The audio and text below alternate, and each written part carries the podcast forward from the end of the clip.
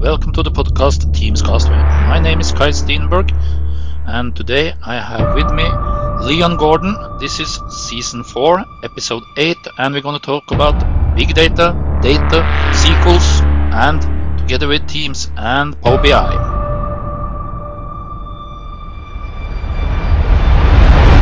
Hello, Leon Gordon. Welcome to the Teams Castaway podcast. Nice to have you here. Uh, how are things doing? And uh, can you tell us a little bit about yourself? Yeah, definitely. Fantastic. Um, it's a pleasure to be with you today, Kai. Um, yeah. As you mentioned, uh, my name is Leon Gordon. So I'm a current Microsoft Data Platform um, MVP and also a data thought leader for the Forbes Tech Council and the Global AI Hub and also Brains Magazine. I've been working in enterprise analytical solutions in the Microsoft stack for around the last um, decade or so now. Um, and I'm a partner at Pomerol Partners as well. Yeah. Uh, and you are located in uh, the UK. That's correct, where it's a bit wet and uh, windy at the moment. Um, but other than that, uh, yes, I am. Yeah, this morning we actually got snow here in Norway. So. Oh wow. so I posted on Facebook. The winter is coming. oh yes, definitely. I can't complain yeah. now. Now that I've heard you've got snow, I can't complain about our rain anymore. yeah. Uh, uh, so let's talk about uh, some of the things that we are going covering today. As I mentioned uh, on the email, uh, I read an article actually about uh, is the SQL dead or what? Yes. and uh, from my perspective, uh, I have in the early days when I joined the consulting business, I was a SQL cons- consultant. I worked with the early versions of the SQL Server. Yes. And but where is the market going at the present time? Can you tell us a little bit about that? What are your definitely, uh, definitely thoughts about it? Yeah, of course. So, I mean, to begin with, um, SQL is by no means dead. I think it's a foundational skill for um, anybody interested in data, um, particularly yeah. with an analytics focus as well. Um, if memory serves, SQL's around 60 years old um, now, and it really, like I say, it's it's it's quite phenomenal. Um, because yeah. no matter how many technologies come out, when you're working with relational data, uh, I believe SQL will always be um, foundational. So I don't believe it's going anywhere in terms of newer technologies, um, I don't know if I can call Python um, newer as, as such. Definitely newer than SQL, um, but we've we've seen a massive shift um, in the data analytics industry um, over the last decade or so um, to using Python. we've also seen the likes of R being used, and you have very much software-driven scripting languages as well, like M being used in Power Query and also uh, DAX, so, so dynamic analysis expression language uh, being yeah. used in Excel and and Power BI as well. So I think that really um, it's it's it's the same it's the same old answer is it depends. Um, so really um, it really depends on where you're looking to go in the industry yeah. because the tools that you might use for advanced analytics, um, so the likes of machine learning, AI, statistical analysis, you might not use for the likes of um, data analysis or business intelligence, um, so to speak. So yeah. Uh, it's good to hear that it's still alive and still kicking. And uh, as I have noticed, there are lots of people start to bring data and AI into, for example, uh, that I know that you love uh, bringing AI to the Power BI. And I read some articles about it, and I find it uh, really fascinating in how to do it. Can you explain a little bit more around it? Yeah, definitely. So I think that we've seen a major influx into AI um, and in particular uh, machine learning uh, from a data science perspective over yeah. the course of the last few years. Um, it's worthwhile noting this technology has been around for a significant amount of time now, since the, the 1950s or 60s, um, I believe, if memory serves. Um, but what we're starting to see now is that organizations are starting to actually adopt these technologies. Um, now, with this, this used to be very heavily code driven. Um, so you used to have to know, obviously, um, the, the, the the ins and the outs of statistics, um, alongside other mathematical mathematical even um, algorithms as well to be able to use these technologies.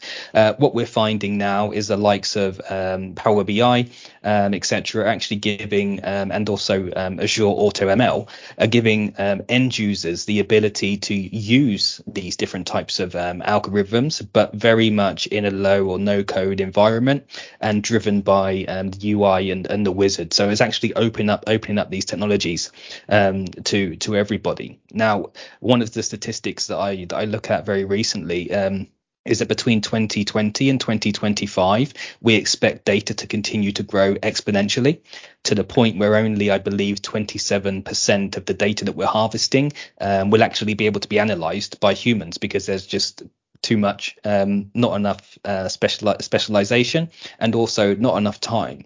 So with this, I expect to continue to see the growth of um, of AI technologies to be able to handle um, this this large amount of data and be able to identify um, any patterns um, that may exist within that data because we're going to get to a point kai where it's just not going to be achievable. Um, so yeah. it's going to be interesting to see what the future looks like. Yeah. And uh, i have also seen some uh, contact center vendors for teams are now starting to use uh, azure data streams to import the data into for example power bi so that they can uh, so that they, uh, customers can start to build their own reports instead of having all these standard reports. So this yes. is something that you also see in your experience? Definitely, and it's it's actually quite interesting, Kai, because when we actually met, it was at Commsverse, uh, yeah. which is which is obviously a Teams-driven face to face conference. Yeah. Now, I, I was the only um, individual there talking about Power BI um, yeah. and and analytics and machine learning from that perspective, and it was really eye opening for me to see um, that it, it, seems like there's quite a lot of opportunity um, within the team space um, to for the likes of even just normal analytics, so business intelligence um, etc. But then obviously it's quite open um, to to AI and particularly machine learning as well. So I do expect um, that there will be more there'll be more vendors moving into this space um, as time goes on. But it's fantastic to see that the um, Microsoft are now offering Power BI directly in Teams. Um, so hopefully a lot of end clients can start to build out their own solutions as well. Yeah, I also see that uh, when it comes to, for example, the Dynamics world, where Power BI is uh, natural part of it. And uh, to see that also growing into the Teams community, that will be fantastic. And gets lots of opportunities for consultants to uh, do business and that kind of stuff also. Of course, and I think that that's what organisations need. It's a it's a case like you mentioned. This ecosystem is really coming together now from Microsoft yeah. perspective, and sometimes organisations, as I mentioned before, don't have the time or capacity to be yeah. able to um, get to the forefront of technology. And this is where um, the likes of consultants um, and consultancies like ourselves can step in um, and help them get a return on investment very quickly um, and upskill their existing team as well on newer technology. So I think it's a fantastic fantastic opportunity. Yeah, uh, I'm also a bit interested uh, since you write uh, stuff for the Forbes and all that kind of stuff. Uh, can you tell us a little bit about uh, how the crystal ball is looking uh, from your perspective? How it can be and what you are expecting early and what do you think about how the future will look like? Yeah, definitely. And I wish I did have a crystal ball. Um, I'm sure that I'm sure that I would become a very rich man if if that was the case. Um, but no, I can tell you that from my from my perspective, there's been a lot of conversations around is AI yeah. sentient? Um, are we going to um, are we will AI be able to complete the Turing test, um, etc. Um, for me, when we're not there yet, I don't think we're anywhere um, near there, to be honest. And and we'd have a lot of conversations with people that they're going to lose their jobs to AI, etc. Um, yeah what we're finding is that these technologies are very much complementary.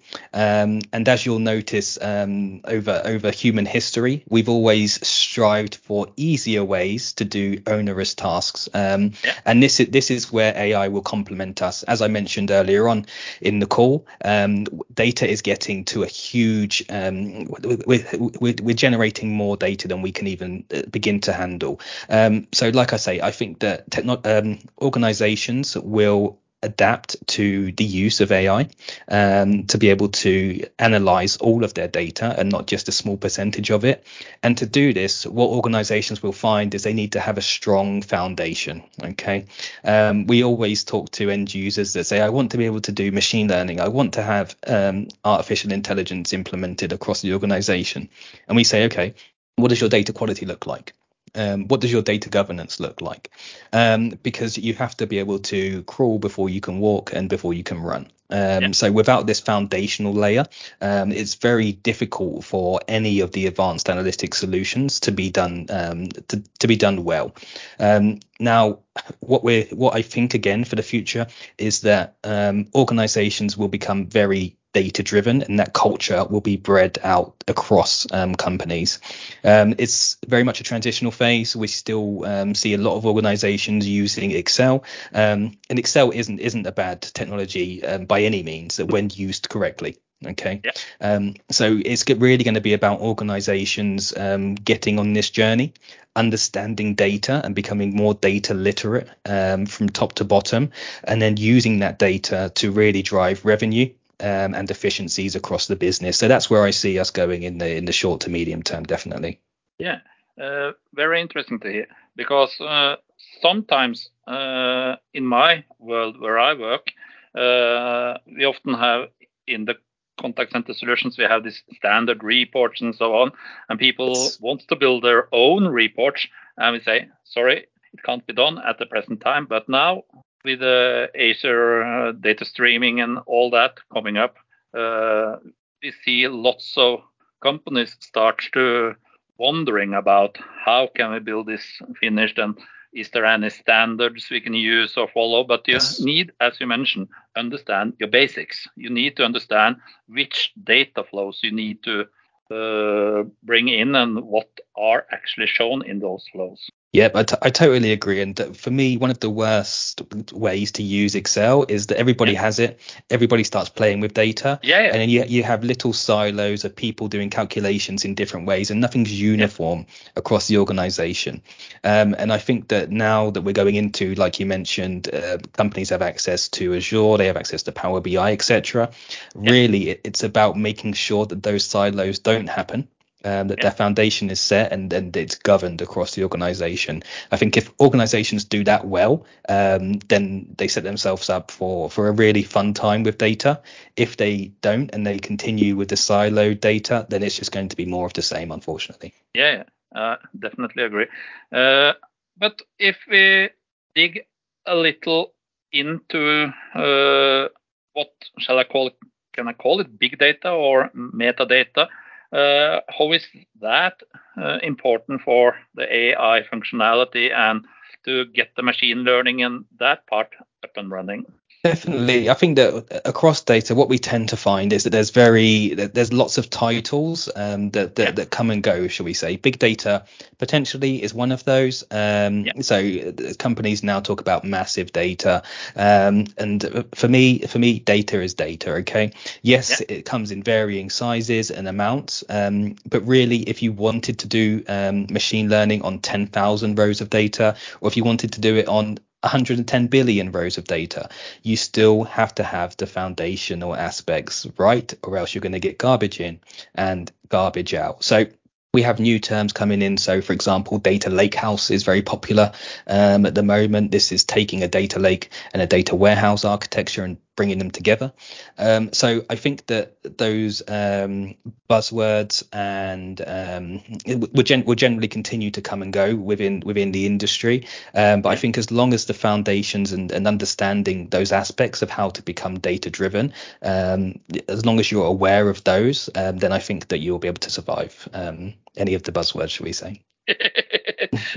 very good, uh, very good. Uh, you mentioned uh, lake data or data lake or whatever. Uh, can explain that for the user? There are probably some users out there that hasn't got a clue about what you're talking about. no, that's that's that's fine. So I'll, I'll, try and do this in the, in the, in the most straightforward way possible. So yeah. um, a, a, a, data lake is basically an area for you to land all of your data in an unstructured manner. Okay, Yeah. so this Yeah. is basically um, you can land all all types of different data there, whether it's video, audio, um, text, um, integer values, etc. And you land this um, unstructured data in a data lake to say, okay, we want to we want to store this data. We don't know what we're going to use it for yet, but we want to have it somewhere.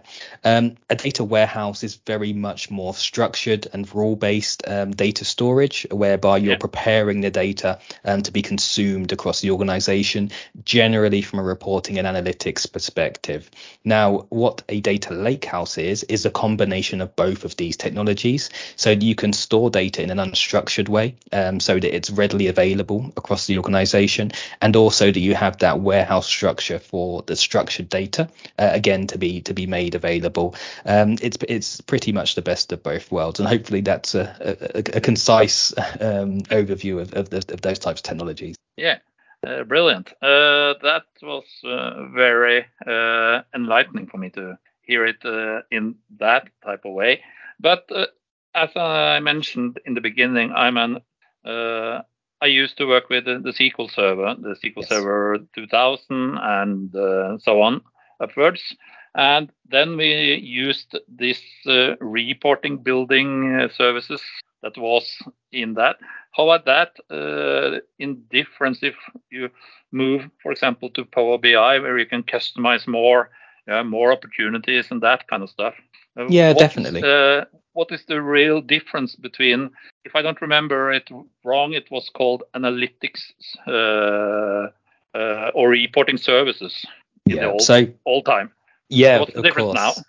No problem at all. So, um, in the, well, I say in the old times, they're still available. Yeah. So you still Yeah. have um, the SQL Server reporting services, so SSRS, and you still have um, SQL Server analysis services, so SSAS, um, Yeah. and you actually also have Azure analysis services um, now as well. So, um, let me separate this into two separate categories first and foremost. So SSRS was very much for what we would call tabular or paginated um, reports, and we have the equivalent of this available to us in in Power BI, and it's actually called uh, paginated reports. Previously, it was only available on a premium license or a premium per user license, and it's now available um, for the pro license as well. So there's a like for like um, comparison there. Um, you, you you use you actually use a very similar um, tool to to how you used to author um, reports within SSRS as well. Um, so there there is a like for like um, way forward there. Now in terms of analysis services, so as as you're probably aware, having used this previously, analysis services came in two flavors. Um, one being uh, MDX, so multi multi-dimensional um, cubes, and also um, tabular tabular cubes. Now, it's worthwhile noting that um, Power BI is actually based on the same engine as um, Analysis Services Tabular. Um, so under the hood, they uh, pretty much, and those of you listening back won't be able to see that I'm doing quotes as I say pretty much, um, but they they they are pretty much the same under underneath the hood. They both use the the VertiPaq engine and and and and, tab- and tabular functionality. Yeah. So the cube are there uh, as it was. Uh, I think it was 2006, seven. It was uh, launched, and it's still there. Yes, yes, definitely. So uh, the multi, uh, if, if I'm not mistaken, multi-dimensional cubes came first in analysis services, followed by Tabular. Um, Tabular is the technology that, that Power BI is is built on using the VertiPaq um, engine, and so it's a continuation. Um, a lot of organizations um, are still using analysis services, either SSAS or the Azure analysis services. Um, and I don't know how open Microsoft are being about this, but um, the, the the logical transition would be to Power BI um, because although there are there is some functionality that hasn't been transitioned across yet, um, it really is um, the same tool under, underneath the hood. Yeah, uh, cool. Uh, then I probably can still use my old no- knowledge about that. when I... exactly, and, it, and it, this is this is something that um, just when when we when we when we are recruiting for Power BI developers, particularly from a, a, a data modeling perspective, we always yeah. look for for tabular knowledge um, because, like I say, um, it is generally like for like. Um, it's not exactly the same. There are some nuances, um, but yes, that that knowledge does definitely translate across the Power BI. Uh, and since I uh, have been uh, working some with uh, Azure, and uh, you have different types of databases there. You have the SQLs, you have the MongoDB, and so on, and uh, lots of different types actually you can choose from. Uh, so where lies the difference between, for example, the SQL, the Mongo, and so on? Can you yeah, say something about that? Yeah, definitely. It's it's a it's a great question, and we probably don't have enough time to cover it in as much detail as I would like. Um, so the way the way that I like to to say it in the UK is it's um it's we have different horses for different courses. Okay, yeah. so really the starting point you have so many options available to you um, in yeah. Azure that sometimes you can be spoiled for choice.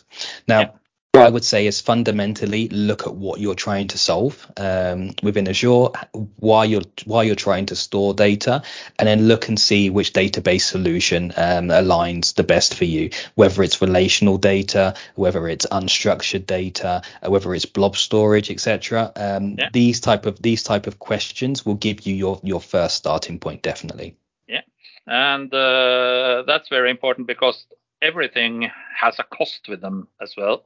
Yes. and uh, from where I can see it, I, I have some customers that have actually moved their environment from uh, the, their local data center and they just moved all the servers and all the uh, things that they had in the local data center over to Azure. But uh, from my perspective, it's a good thing to start with, but you might have to change uh, the thinking because running virtual machines in Azure costs a lot of money. And uh, if you, for example, move a SQL server over to Azure, it will actually drive lots of cost. Yeah, agree. Don't I mean don't don't get me wrong. Data centers um, on prem have costs associated with them as well. Yeah. So you still yeah, have yeah. to up, upgrade over time. You still have to manage certificates, um, et cetera, et cetera. Um, backups. It, it, it, it, goes on. So there there is a trade off, and I think that um, as you mentioned, some customers may be just trying to lift and shift um, what they're doing currently directly into the cloud without really having um, a plan in place in terms of what this looks like how to do it. And so I, would always say when you're when you're going forward with any of these types of projects, um, obviously scope out the project, do due diligence, and have a plan of of of, of, of why a why you're migrating? Um, so do you need all of your legacy systems? Do you even need all of your data? Can you optimize as part of this process? Um, yeah. there's so many questions that feed into this um, but it would be a cloud migration plan that i would i would suggest um, is put in place. And if you don't have the knowledge internally um, then like we say previously you can always outsource and be upskilled as part of the journey. Um, there are plenty of organizations ourselves at pomerol partners included that, that are happy to support in those type of situations uh, because it can be very, very cost effective. So we have clients, for example, that have data centers um, in house, and we've been having exactly these these type of um, conversations. There becomes a tipping point um, as you go through the scale to say, well, actually, on-prem doesn't become cost effective maybe two and a half years down the line. Um, yeah. because of some of the some of the reasons I've mentioned before, um, licensing costs, um, hardware up, upgrades, solutions, um, fa- full, uh, fail, failures um, to, to the hardware solutions, backup, disaster recovery. Um, obviously, the staff that are, that are working in a data center with cloud, a lot of these are handled and managed for you on your behalf, yeah. um, and also just keeping up with legislations, um, especially from a cybersecurity perspective. Again, this can be time consuming and costly. So there does become that tipping point that says, well, actually, um, cloud is cloud could be the way forward for us. Yeah. Uh, brilliant, because uh, I see that transition is uh, being used by many customers. Uh, we are also here at Blink starts to help customers building landing zones in Azure. Uh, one of my coworkers has created a script for creating these types of services, uh, and that is one of the part regarding moving customers from their own data center or outsource the data center into the cloud. Yeah, but it's definitely the way forward, and I think it's. Uh, I, I, wouldn't say that cloud's a new technology anymore. It no, is. No. To, it is to a lot of organizations, and this is probably yeah. the best way to, to, to pull it. And there's always going to be a resistance to change. Um, yeah. It's the same. It's the same with anything. So it really is about, as you're doing currently, is is is, is taking customers on that journey of understanding the benefits, um, the potential um, the, the, negatives as well, because there, there there can be for different for different organisations, and really weighing up what's going to be the best option um, for for each different client. Every use case is different. Yeah, and uh, to look at, for example, from a Microsoft Teams perspective. Uh, since I work a lot with Microsoft Teams, I have seen the reports that you have, for example, in the Teams Admin Center. Uh, I'm sorry to say it, but I think they are crappy. and uh, is there, from your perspective, any good? I know that some people has created some uh, Power BI reports out there uh, as you can uh, download, or do you have any other way to get those data, since they are there, uh, into a better perspective than, for example, Microsoft can deliver them in the Teams uh, admin center? Because yeah, definitely. Uh, I mean, we go on. Yeah. Go on, no, please. No, it's okay. All I was going to say is that we have bespoke solutions available. Um, what we tend to find is that it's not really a one size fits all from a team's no. implementation. There's different metrics that the organization want to track and, and different ways of, of analyzing that data. So we come in and offer, like I say, bespoke solutions from that perspective. Um, what I was also quite quite um, pleased to see at CommsVerse um, is that there's off the shelf solutions. Um, the name to some of those analytical vendors does escape me, um, yeah. but there are there are uh, add-ons available directly um, with these vendors um, via Teams as well. I think this space, as I mentioned earlier, is only going to increase. Um, like I say, data is on the rise. Teams very specifically for each use case holds that data as you mentioned, and it's about really honing in on how we can analyze that and present it back to the organization, but with a return on investment. So that's the key yeah. to use data to um, to generate income as opposed to just tick boxes. Yeah, I agree. Uh, and uh, also, as I mentioned earlier, with the customer services and all that's coming up as well. And uh, since Microsoft also have launched the digital contact center platform, which is yes. actually uh, Dynamics uh, customer service with voice, okay. with the Teams uh, integration, with Azure, with Azure Communication Service, and they have also the launched some AI portals from Nuance since they bought Nuance earlier this year, and now they have put all this into uh, a platform, what they called uh, customer service or Microsoft Digital Contact Center platform. Fantastic. But it's, not, but it's nothing that you can just go into your uh, Office portal and just tick those licenses out. You have to buy everything separate, and you need all this. And I think if you start to use it, of course, you get lots of Power BI reports in Dynamics because that is where you will look at all the reports and all the stuff. Yes. Uh, and I think that with the customization, getting the data from the nuance, uh, have intelligence IVR, have the bots uh, for chat, for handling calls, and that also on top of it, it will generate a whole lot of interesting data that you can process in your Power BI and get all the data that you need, hopefully. Yeah, I, I, I agree. It definitely sounds like um, some some some untrodden ground there, shall we say? Yeah. Um, yeah what we tend to find, is I know you're aware already, Kai, with Microsoft, is that it's a very much iterative approach. Um, yeah. So, and again, as you, as you're very aware of as well, potentially putting together um, some of these solutions independently, um, they can roll up, and Microsoft does take um, is, is is aware that they're being made, and obviously reaches yeah. out um, to those individuals um, as well. So, I think that like I say, foundationally, there, what you've mentioned is that there's lots of data being generated that's not being utilized or not being yeah. utilized well.